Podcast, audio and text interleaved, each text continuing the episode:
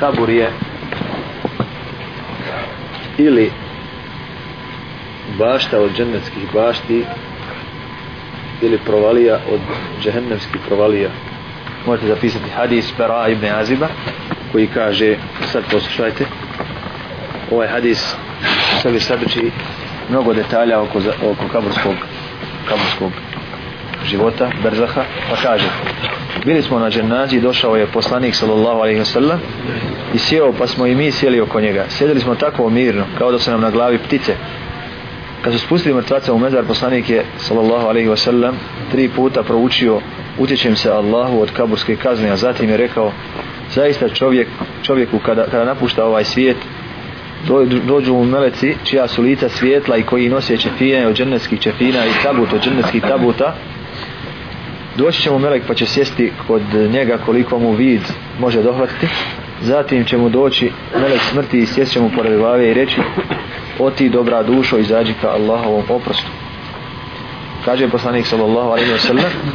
izić će tako lahko kao kada voda curi kao kad kap iz, iz flaše izađe uzet će ga u svoje ruke i predati melek, melekima koji će ga staviti u tabut pa će iz, iz njega izaći najbolji mirisi koji postoje na ovome svijetu. Rekao je poslanik sa svojom dalje,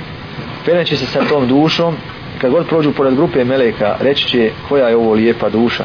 pa će im reći to je taj i taj i nazvati ga najljepšim imenom koje, kojim su ga zvali na Dunjalu. Tako će doći do neba i tražiti da im se otvori vrata, pa će im biti otvoreno.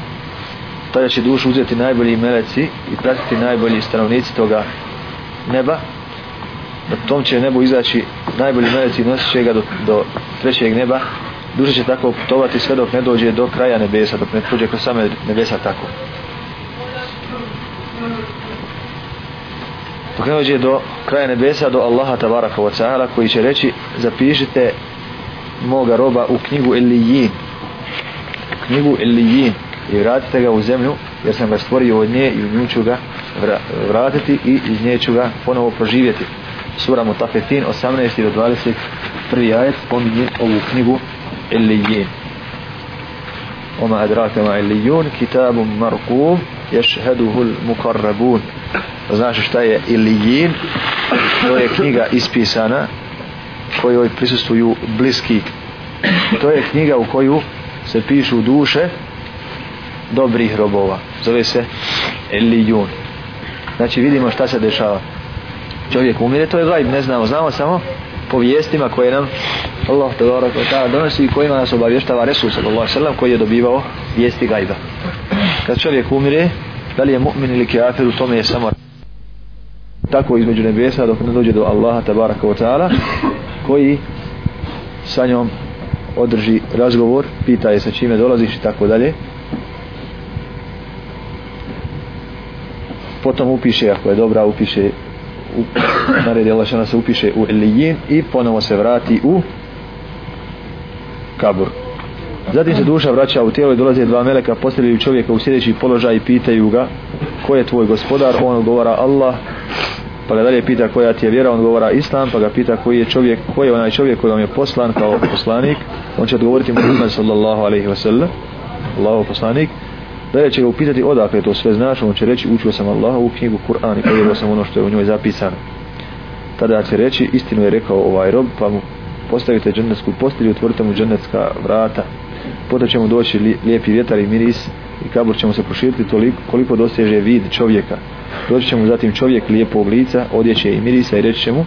primi radosnu vijest, ovo je dan, raduj se, ovo je dan koji ti je obećan. Zatim će ga upitati ko si ti, jer tvoje lice donosi samo radost i dobrotu. Odgovorit će ja sam tvoja dobro djelo. Tada će reći gospodaru učini da što prije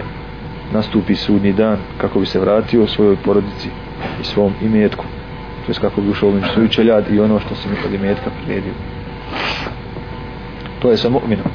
Kada dođe smrtni čas nevjerniku, stilaze meleki s neba crnije lica i sjedaju kod njega koliko mu vid dosježi. Zatim mu dolazi melek smrti i sjeda pored njegove glave i rekne o ti ružna dušo izlazi ka Allahovoj srđbi tada će se duša raširiti po čitavom tijelu bježati pa će biti izvađena sa poteškoćama navodi se u nekim rivajetima kao što Kurtubi u Tedkiri navodi da će biti čupana kao da se čupa e, trn, grana, grana trna iz mokre vune se zapetlja u mokru vunu pa sad čupalja tu granu dok mu'minova duša spakovana gospodina grobu će ući, ne ima ništa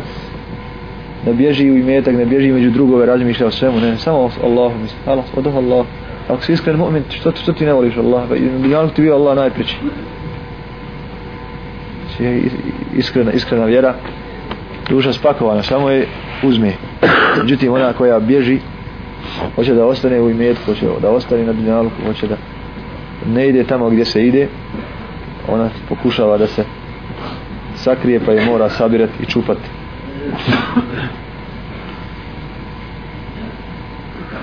zatim od meleka smrti uzimaju drugi meleki oni koji čekaju tamo i stavljaju u džahnemske čefine iz nje će izaći najružniji smradovi koji postoje na ovoj zemlji i penju se sa njom prema nebu kad prolaze pored koje grupe meleka govore koja je ovo duša reći će im taj i taj i bit će nazvaće ga najružnijim imenom kom je, po kom je zvat na Dunjaluku pa će tražiti da im se otvori prvo nebo i ono im se neće otvoriti tada je Muhammed s.a.v. proučio 40. ajet sure Araf koji govori jel da se nevjernicima neće otvoriti nebeske kapije i Allah šanom će reći tu tu će znači doći od Allaha Đelešanu naredba prvom nebu neće kroz nebesa ići napišite zapišite ovoga roba odnosno njegovu knjigu u Sidžin Sidžin je knjiga u kojoj su zapisana imena i dijela loših robova nesretnih robova sura Mutafetin 7. do 9. ajet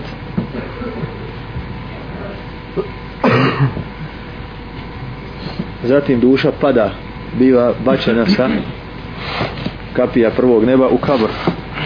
tada je proučio Resul sa 31. ajet sure hađ gdje govori da je primjer onih koji Allah Đelešanu ne vjeruju kao primjer onoga koji je bačen sa nebesa i ptice ga razgrabile duša će se vratiti u tijelo pa će doći dva meleka i staviti ga u sljedeći položaj i pitati ko je tvoj gospodar on će se uplašiti zatim će ga pitati koja je tvoja vjera potom ponovo će se uplašiti i mucati i na sve će govoriti aha znači izdržavati svoj strah